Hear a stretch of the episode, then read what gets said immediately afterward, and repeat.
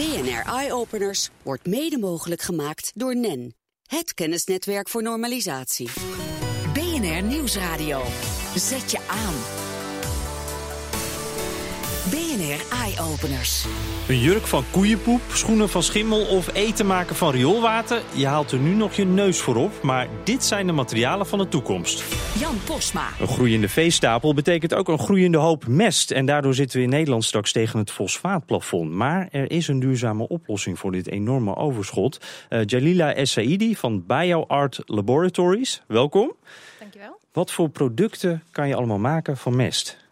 Uh, wij maken bioplastic, biopapier en uh, textiel van uh, de grondstoffen uit koeienmest. Oké, en, en dan, dan zie ik zo'n emmertje mest voor me. En dat wordt dan uiteindelijk dus plastic of papier of heel wat anders. Hoe gebeurt dat? Wat, wat moet je daarmee doen allemaal? Nou, wij scheiden de mest in droge en natte fractie. En uit de natte fractie winnen we de chemicaliën waarmee we de cellulose uit de droge uh, fractie dus omzetten in die uh, bioplastics, uh, papier en textielen. Is, is dit letterlijk nat en droog? Zie ik een, een poedertje en, en iets nattigs voor me? Of hoe, hoe werkt dat? Ja, cellulose is in feite gewoon het gras wat de runderen eten. En ja, dat is een droge massa. En de natte massa is vaak uh, waar het probleem ook zit. Daar zitten de overschotten aan fosfaten en nitraten in. En die kunnen we er tegelijkertijd uithalen. Uh, want in feite, alle grondstoffen die je nodig hebt om bioplastic uh, bijvoorbeeld te maken, zitten in de mest zelf. Dus mest is in dit geval goud. goud. En is dit een lang proces voordat je tot dat goud komt? Um, het is een proces wat vrij snel kan. Daar ben je een paar weken mee bezig. Maar de materialen die je verkrijgt, uh, bijvoorbeeld de bioplastic of celluloseacetaat, kun je daarna heel mooi omzetten in textielen en uh, andere toepasbare materialen die we in Nederland zeker moeten gaan produceren van onze eigen maakindustrie. Maar uh, je zegt een paar weken, hoe, hoe, hoe, werkt dat dan? Is dat een fabriek die dan draait of moet je het even te drogen leggen? Hoe, hoe gaat dat? Nee, um, op het moment dat uh, de massa gescheiden wordt, dus in de droge fractie, de cellulose, uh, worden er allerlei chemicaliën, zuren, andere grondstoffen uit de natte fractie gewonnen. Um, dan vindt er een chemisch proces plaats uh, tussen de cellulose en de natte fractie. En wordt bijvoorbeeld celluloseacetaat ontwikkeld. En um, de technologie is dat het extractie, zuivering, verwarmen en andere processen doorloopt om uh, te komen tot die zuivere celluloseacetaat. Uh, de hamvraag natuurlijk, uh, want als ik papier of plastic of misschien zelfs een kledingstuk ga gebruiken dat van mest wordt gemaakt, hoe fris is dat? daar ruik je niks meer van. Je vindt er eigenlijk niks meer terug waar jij koeienmest aan herkent. De geur, de kleur, smaak. Het is een nieuw, neutraal materiaal. Dus uh, uh, als ik een, een, kledingstuk zou hebben van uh, waar dat grondstof in zit, dan, dan weet ik dat eigenlijk helemaal niet. Dat merk ik ook niet. Nee, daar merk je helemaal niks van. Nou staat Nederland natuurlijk vol met koeien. En mest hebben we zat, zei ik net al. Waar, waar, hoe kan het dat er hier niet eerder aan is gedacht? Um, nou ja, wat ik heb gedaan, uh, ik ben met heel veel uh, diverse stakeholders uh, gaan praten en onderzoek gedaan wat de technologieën tot op heden zijn. Wat voor partijen waren dat dan? Zijn dat dan ook de boeren bijvoorbeeld? De, of? Ja, natuurlijk. De ja? boeren. Hè, de boeren die zitten er zelf met hun neus bovenop. Die weten als beste hoe die wereld werkt. Uh, maar bijvoorbeeld ook de waterschappen, ZLTO, uh, andere uh, partijen die technologieën ontwikkelen voor mestverwerking. Maar um, ja, de conclusie is uh, dat het vaak in de eenvoud zit. En het verbaast me dat uh, niemand eerder daarnaar gekeken heeft. Maar het is niet zo dat het uh, een heel ingewikkeld proces is geweest... of, of dat mensen ervoor zich voor afschrikten. Dat, dat, Nee, voor mij, was het, voor mij was het een uitdaging. Uh, een jaar geleden was ik bij provincie Noord-Brabant uh, op gesprek voor een ander project. En ehm, uh, voor dat project wilde ik een aantal stakeholders aan tafel, waaronder de boeren, ZLTO en provincie. Maar die zaten toen uh, min of meer in een klein conflict met elkaar. En toen maakte iemand de grap van... Nou, als je het mestprobleem oplost, dan krijg je al de stakeholders aan tafel. dus uh, nou ja, toen is dat onderzoek naar mest begonnen. En uh, zijn alle partijen aan tafel geschoven. Dus de moeilijkheid zat hem in al die partijen aan tafel te krijgen. Maar zo moeilijk was het niet. Oké, okay. dus lag aan de mensen eigenlijk in dit geval. En, en um, wat hebben die boeren er dan aan? Wat, wat, betekent dit voor een boer? Wordt het met een karretje nu weggehaald? Of... Nou, het doel is om een eerste uh, demo uh, plant in Nederland neer te zetten. Uh, om te laten zien en ook om de eerste materialen te produceren. voor de boeren gaat dit heel veel in kosten schelen. Want een boer betaalt nu 18 euro per kubieke mest wat hij laat afvoeren. maar het gaat niet alleen iets voor boeren inhouden, maar ook voor de natuur. Want ehm, er zal minder uh, mestoverschot zijn, wat ook weer van belang is voor de waterschappen. Maar voor natuur bijvoorbeeld en dierenwelzijn betekent het ook dat uh, uh, koeien beter voedsel gaan krijgen. Dus gras wat langer gestaan heeft, wat hoger in vezels is, wat niet overbemest is. Dus Behalve dat het nieuwe materialen uh, gaat voortbrengen, gaat het ook een, een uh, verandering in het systeem uh, teweeg brengen. Wat voor alle partijen goed uitpakt. Ja, dus goed voor de koeien, goed voor de boeren. laten we ook eens naar de mensen kijken. Ik zie, je hebt een, een stukje meegebracht. Dat is volgens mij een, een, stukje textiel, toch? Ik heb een stukje plastic voor je mee, zodat je zelf kan ruiken en voelen ja. hoe dat is. Materiaal gemaakt van oh, koeienmest. Ja, het is papier, karton, plastic. Nou, dat plastic, het ziet er een beetje uit als het plastic waar bekertjes van gemaakt worden, maar dan dikker.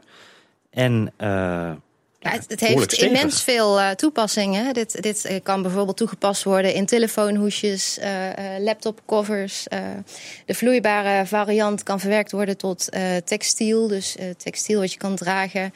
En ehm, normaal, als wij bioplastic produceren, dan doen we dat door middel van voedsel, hè, aardappels, mais. En op deze manier kun je van een reststroom dus nieuwe materialen creëren. En in het geval van uh, papier, uh, wij kappen hele bossen om papier te produceren, terwijl we tegelijkertijd een heel waardevol grondstof, uh, mest, vernietigen. -hmm. En ik denk dat ehm, het creëren van deze nieuwe materialen binnen Nederland van belang zal zijn, omdat we tot nu toe echt alles uit het buitenland exporteren aan textiel, aan plastic, aan celluloseacetaat en papier. En het is denk ik heel belangrijk voor Nederland om zelf aan grondstofproductie te beginnen. Hm, en dat zou hiermee dus kunnen. Maar dan vraag ik me af, eh, dit plastic, eh, wat van mest is gemaakt, is dat nou net zo sterk? Is dat, uh, ja, wat zijn de eigenschappen? Is bijvoorbeeld ook makkelijker afbreekbaar? Ja, het is uh, bio-afbreekbaar. En uh, dat vergt nog een aantal jaren onderzoek om te spelen met de bio-afbreekbaarheid van plastic. Maar je kunt het vergelijken met een, een normale bioplastic die we kennen. Niet met gewone plastic, hè, dat is niet afbreekbaar. Maar het mooie van dit materiaal is ehm, dat je in het chemisch proces nog allerlei eigenschappen en eigenschappen kan aanpassen naar de toepassing uh, die je nodig hebt. Ja, dank Jalila Essaidi van BioArts Laboratories. BNR Eye Openers. En van een telefoonhoesje van mest naar een jurk van schimmel. Nee, trek nou niet direct een vies gezicht, want je kan er meer mee dan je denkt. Bijvoorbeeld op het gebied van antibiotica. Sterker nog, de microbiologen van de Universiteit van Utrecht die doen niet anders dan nadenken over schimmel. We gaan altijd eh, beginnen met een afvalstroom.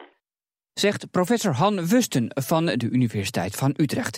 Hij weet als geen ander hoe je iets kan maken van schimmel. En die afvalstroom, daar doen wij een beetje schimmel bij. En die schimmel die gaat dan door de afvalstroom uh, groeien. Die schimmel hebben schimmeldraden en die groeien een aantal centimeter per dag. En die draden die breken dan het uh, afval af. Schimmel breekt dus het afval af. En dan, nou ja, net als in de keuken, pas als je het opwarmt, wordt het lekker. Nou ja, bruikbaar. En het afval dat nog over is gebleven, uh, dat is helemaal verkleefd en aan elkaar gebonden met die schimmeldraden. Dat noemen we een composiet. Dan kun je bijvoorbeeld uh, daarmee een kurkachtig materiaal maken. En dat kurkachtige materiaal kun je bijvoorbeeld als verpakkingsmateriaal gebruiken. En IKEA heeft twee weken geleden of drie weken geleden aangekondigd dat ze dit soort materialen heel graag willen gebruiken. En daarvoor niet langer dan meer uh, plastics uh, nodig hebben. Dus is uw billykast op termijn misschien wel verpakt in schimmel in plaats van in karton of plastic. Schimmel blijkt dus perfect voor het maken van duurzame, milieuvriendelijke materialen zoals verpakkingsmateriaal, maar ook kleding. Maar voor we zover zijn, moeten er nog wel wat stappen worden gezet. Want de ene schimmel is de andere niet. We hebben heel veel stammen uit de natuur. En het blijkt dat er ontzettend veel variatie in die stammen is qua gevoel, qua sterkte, qua elasticiteit. Dus we gaan gewoon de natuur in en gaan uh, kijken van welke natuurlijke variant is het best. En anderzijds gaan wij in ons lab, want dat kunnen we heel goed, genetisch materiaal, een klein beetje genetisch materiaal eruit halen. Daardoor verandert de schimmel en krijgt hij andere eigenschappen. En dat er nu toch al een jurk van schimmel te zien is, had zelfs professor Wusten niet verwacht. Twee jaar geleden, toen dachten we van nou, dat is voor de lange, lange, lange termijn. En dat er nu een jurk hangt in het Universiteitsmuseum, dat is voor mij een totale verrassing. Want uh, onderzoek op zich, dat duurt gewoon ontzettend lang. Dus ik dacht, dat is in, in tien jaar of twintig jaar hebben we dat voor elkaar. Maar nu hangt hij er al na twee jaar. Je hoort een bijdrage van Jorn Lucas. En straks praat mij het schut verder over eten maken van rioolwater. BNR Nieuwsradio. Zet je aan. BNR Eye Openers. Eiwitten winnen uit rioolwaterslip en dat vervolgens gebruiken als diervoer. Het klinkt ingewikkeld en misschien ook wel een beetje vies. Toch zijn de eerste testen veelbelovend. Sietse Agema van AEB Amsterdam is nauw betrokken bij dit onderzoek. Welkom in de studio. Even AEB Amsterdam, vroeger afvalverwerkingsbedrijf. Tegenwoordig heet dat dan een grondstoffenbedrijf eigenlijk of zoiets hè? Ja, grondstoffen die we weer opwerken, zoveel mogelijk waarde toevoegen. En de reststromen die we omzetten in hoogwaardige energie. Ja, een soort circulaire, uh, circulair bedrijf. Absoluut, ja. zeker. Ja. Nou, klinkt het misschien wel als ongeveer het smerigste wat er bestaat. Rioolwater. En daar gaan jullie iets eetbaars uithalen. Je begint er zelf al bij te lachen. Ja, fantastisch. Nou ja, goed. De eerste keer ook dat we van dit project hoorden, toen stond natuurlijk ook wel even achter onze oren te krabben. Van wat is dit? Maar uiteindelijk blijkt het gewoon een, een, een, puzzelstukje te zijn wat precies op tijd komt. En wat, wat heel mooi past in uh, de synergie die wij hebben samen met Waternet mm -hmm. uh, en AIB op één locatie. Waarin we eigenlijk alle reststromen omzetten ja, in hoogwaardig producten. En daar past dit precies in. Nou is het proces erachter nogal technisch, maar we hebben even gesproken met professor Willy Verstraten, ook betrokken bij het onderzoek. We vroegen hem om het uit te leggen hoe die eiwitten nou ontstaan. Het antwoord daarop is relatief eenvoudig, ook al verwacht je dat misschien niet. We gaan het rioolwater op de gewone wijze zuiveren, maar op een gegeven moment krijg je dan dat de nutriënten, dat wil zeggen de stikstofcomponenten, de fosforcomponenten, dat die worden gevat in wat we nu noemen slip. Dat slip, die dus eigenlijk die nutriënten voor een groot deel bevat, wordt naar een vergistingstank gebracht. Daar wordt dus eerst nog de energie die in dat slip zit omgezet tot methaangas. En dan komt op dat moment komen die nutriënten helemaal vrij. Dat worden dus minerale nutriënten op dat moment. Wat we dan gaan doen, is die ammoniak eruit blazen. U kent misschien het verhaal als je water bijvoorbeeld gebruikt om vensters te wassen, dat dan zit daar ammoniak in, vaak. En dan kun je dat even ruiken, want die ammoniak verdampt. Wel, wij gaan dus dat water dat ammoniak bevat, dan gaan we de ammoniak laten uit wegdampen. En die damp, die dus niet onmiddellijk nog contact heeft met het water, het is dus een zuivere ammoniak die vrijkomt, die ammoniak, die gaan we nu gebruiken om daar microben, bacteriën, die je kunt een beetje vergelijken met yoghurtbacteriën, dat spreekt misschien duidelijker. Dan gaan we daar yoghurtbacteriën op laten groeien. Die gaan dat omzetten in eigen celmassa. En die massa, dat kunnen we dan verorberen zoals we yoghurt verorberen. Ja, en dat woord is dus yoghurt. Nou, eigenlijk heel erg simpel, dus iedereen kan het ongeveer. Uh, nou ja, toch wat ingewikkeld. Uh, Sietse, jullie hebben om dit mogelijk te maken samengewerkt met een aantal belangrijke partners. Je noemde al Waternet. Wat is hun rol nou precies in dit proces? Ja, Waternet is net als onze de, de toeleverancier van een aantal uh, uh, grondstoffen die ja, nodig zijn. waterslip bijvoorbeeld. Nou, het ammoniak ook wat ja, vrijkomt okay. bij de waterzuivering. He, dat wat, wat Willy net al overigens de geestelijk vader van dit fantastische concept. Ehm, al, al terecht aangaf, het is een hele zuivere vorm. En het, komt, het is een hele zuivere reststroom die vrijkomt. En die kunnen we dan omzetten uh, samen met waterstof en, en CO2, wat bij ons heel veel vrij of, uh, kan ontstaan en vrijkomt. En uh, dat samen kunnen die eiwitten vormen. Ja, nou klinkt het allemaal fantastisch, maar waarom zouden we dit doen? We halen onze eiwitten toch al gewoon uit normaal voedsel. Ja, dat klopt. En als je weet wat de CO2-footprint is van uh, het normaal verbouwen en uh, groeien van dit soort eiwitten, en je vergelijkt het met de CO2-print van deze methode, dan is het vele malen efficiënter. Nou, dan hebben we, hebben het over dierlijke eiwitten bijvoorbeeld, maar natuurlijk ook over soja-eiwitten die vooral naar dieren gaan. Want dit is wel in eerste instantie bedoeld voor dierenvoedsel. Ja, het is zo zuiver. We kunnen het gewoon. Ik wil jij en ik zult hier gewoon kunnen eten. En ik, ben, ik zal het ook zo je, doen. Je hebt niks bij je? Alleen niks, nee, helaas niet. Lekker toosje. maar ik snap, ik snap heel goed dat mensen denken van ja, wacht eventjes. Uh, en, dieren hebben, nou ja, die kunnen dat in ieder geval niet uitspreken, laat ik het zo zeggen. Nee. Maar er is ook, we hoeven ook nergens bang voor te zijn, want het is een, echt een zuiver product. Maar wat ik net al zei, het vervangt inderdaad die soja. Die soja die wordt nu verbouwd. Om even een vergelijking te geven, als je 1 ton soja eiwit, eet, eetbaar eiwit wil, wil produceren, dan heb je ongeveer 2 hectare land nodig. Dus dat is oerwoud wat wordt omgekapt. Vervolgens heb je zo'n 50.000 uh, kubieke meter water daarvoor nodig mm -hmm. om dat gewas te groeien. Um, en uiteindelijk heeft dat een CO2-footprint CO2 van ongeveer 100 ton CO2, wat we daarmee kunnen besparen. Dus dat is een, heeft een gigantische impact. Daarnaast is het vele malen efficiënter als we het hier lokaal hè, in de stad, hè, circulaire economie. Ja. Dit is echt zo'n kringloop die we lokaal kunnen sluiten. En we kunnen 36% van de eiwitbehoefte van Amsterdam voorzien op deze manier. Dus dat is gewoon gigantisch. Dat is gigantisch. Maar dan, dan moeten wij als mensen het ook nog wel willen gaan eten natuurlijk. Ja, maar ik denk als de, de, de kip die dat eiwit heeft gegeten, daar, ik denk dat de mensen daar geen moeite mee hebben. Om, om die kip vervolgens op te eten. Nee, nee, nee, nee. Dat, dat geloof ik met je. Maar, maar als je even verder kijkt, hè, verder filosofeert. Waar kan dit allemaal toe leiden? Ja, dit is echt. Nou ja, daarom werden we Want ook. we zo... zouden de veestapel ook kunnen terugbrengen als wij dit eiwit gaan gebruiken. Als wij het rechtstreeks gaan eten, ja. dan heeft dat daar zeker een impact op. Absoluut. Ja. Uh, maar nogmaals, ik, stel, ik kan me heel goed voorstellen dat er nog een tijdje, dat er nog een tijdje overheen gaat. Ja. Uh, maar ja, daardoor werden wij ook ontzettend enthousiast natuurlijk van dit, van dit uh, onderwerp. Je kan het lokaal organiseren. de, de wereldbevolking trekt naar stedelijke gebieden. Dit kun je dus ook echt in stedelijke gebieden organiseren.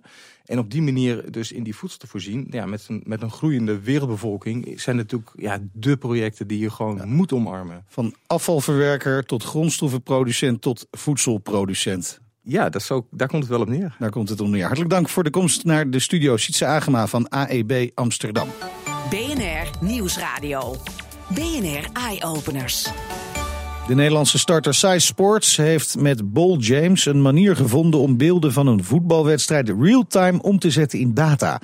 Trainers weten zo tijdens de wedstrijd al precies hoeveel een speler aan de bal is, hoe hard hij rent en hoe efficiënt een bal aannemen of aanname of schot is. Giels Brouwer is oprichter van SciSports. Welkom, leuk dat je er bent. Dankjewel. Ja, jullie maken eigenlijk, uh, misschien zeg ik niet helemaal goed hoor, maar van een live wedstrijd een soort, uh, soort game.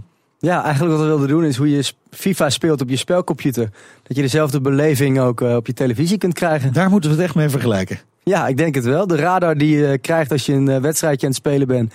Dat je onder precies ziet waar de spelers lopen en hoe hard jouw schot is geweest. Dat je dat ook tijdens de wedstrijd kunt zien. Wauw. Uh, um, wel, welk, want welke informatie, ik noemde net al, hè, balaanname, hoe hard het schot is en dergelijke. Welke informatie verzamelen jullie allemaal over een speler? Uh, nou, op dit moment verzamelen we vooral alle uh, schotdata, alle paasdata en alle bewegingsdata.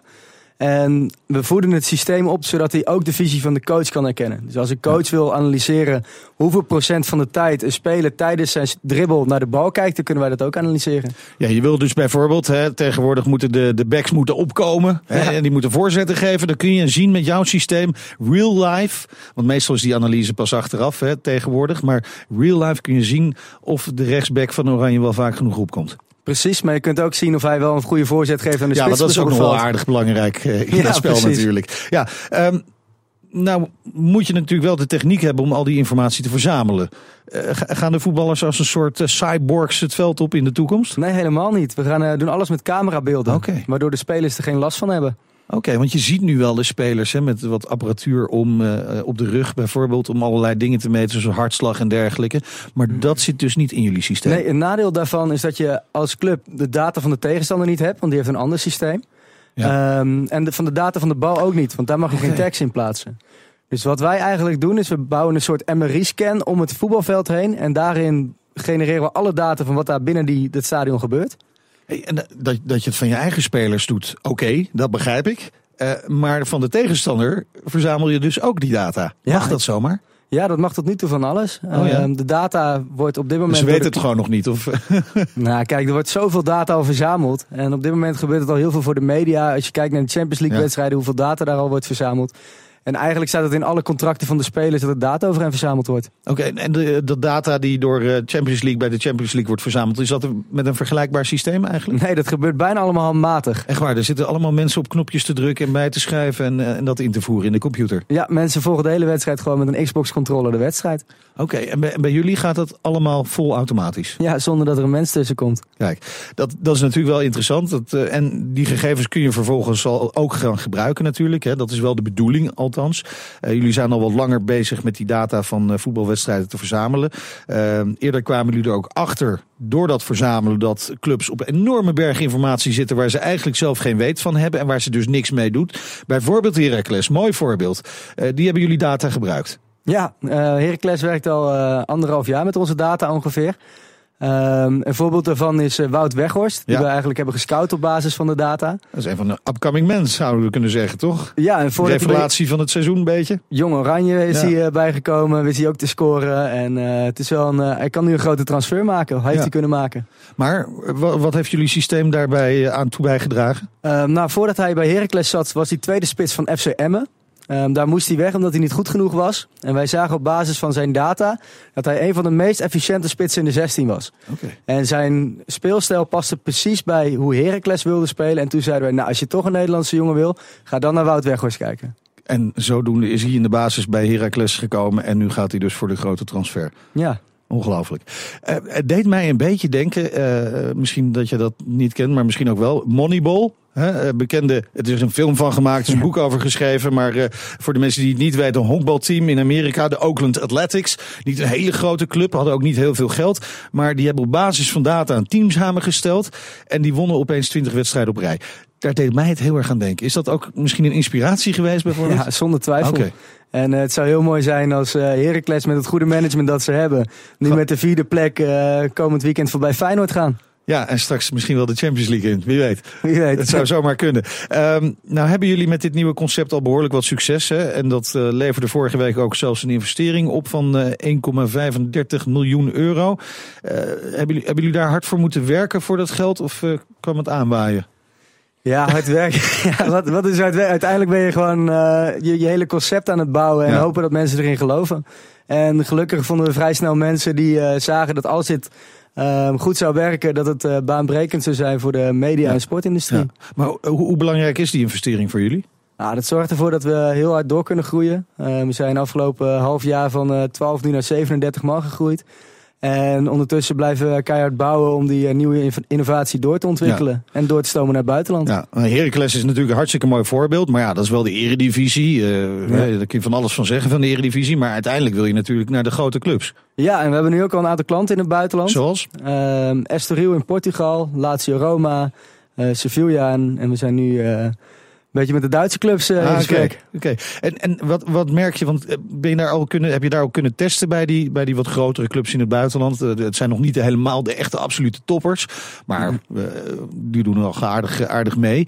heb je daar al iets van, van cijfers over? Zie je al dat zij ook heel veel data hebben waar ze niks mee doen? Ja, ja eigenlijk doet, heeft elke club dat. Okay. Elke club koopt data in. Maar een verschil tussen data begrijpen en data hebben is een heel groot verschil.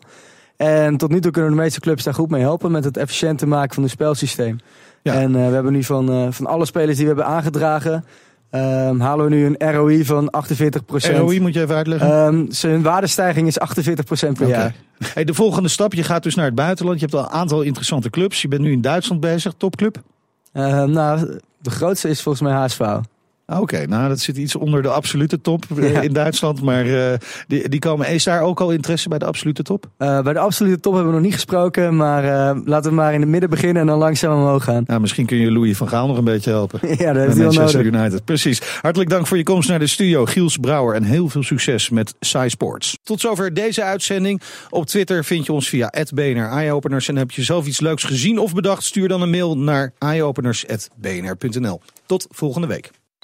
BNR Eye Openers wordt mede mogelijk gemaakt door NEN, het kennisnetwerk voor normalisatie.